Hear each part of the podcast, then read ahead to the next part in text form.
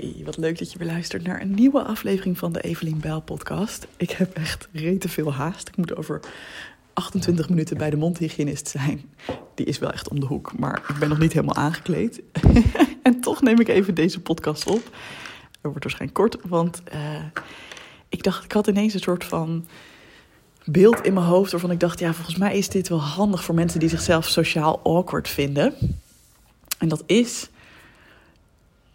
stel, jij geeft iemand een hand of weet je, je moet iemand begroeten en je denkt van, oh god, dat vind ik helemaal awkward. Want wat als ik een hand geef en die ander wil een knuffel geven? Of ik wil twee zoenen geven en die ander geeft er drie.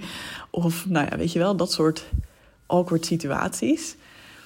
Toen dacht ik, what would Obama do? Want ik heb hier zelf, ik vind het zelf ook, ja, dit is niet het meest leuke moment van human interaction, maar kan er ook niet mee zitten. Niet meer. Vroeger kon ik me kapot schamen als ik het dan verkeerd had ingeschat. Oh god, oh god.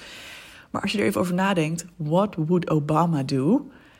Obama, die zou sowieso initiatief nemen. Dus die zou gewoon al aankomen lopen met een uh, uitgestrekte hand, met al dat charisma van hem, met een brede glimlach op zijn gezicht. En hij zou er gewoon lekker voor gaan. Stel nou, er zou in een interactie toch even iets geks gebeuren. Zou je Obama dan zien cringen en zeggen van... Oh, oh, that one, uh, oh, oh, eh, eh. Nee, dan zou hij er heel hard om lachen. Zou hij zeggen, oh, nou, dat ging niet helemaal zoals gepland. Hier, ik geef je alsnog een hand. En hij zou het vergeten. En dat is precies hoe ik het ook doe. Ik ben basically Obama 2.0. Iets minder invloedrijk, iets minder man, iets minder zwart, iets minder geweldig en slim. Maar verder ben ik eigenlijk basically Obama. ik denk gewoon bij elke ontmoeting van oké, leuk, we gaan wel even zien hoe dat loopt. En ja, het gebeurt mij ook. Ik heb laatst ook nog iemand bijna per ongeluk een zoen op de mond gegeven, omdat we allebei voor de verkeerde wang gingen.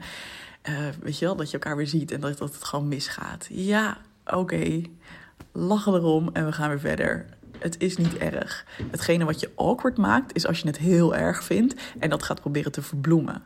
En wat jou juist ontspannen maakt of ja, zelfvertrouwen geeft, of in ieder geval de situatie minder ongemakkelijk maakt, is als je het gewoon oont, erom kan lachen en kan zeggen: Oh, dat ging niet helemaal zoals gepland. Haha, oké, laten we het even overdoen. Of gewoon het daarna laten gaan.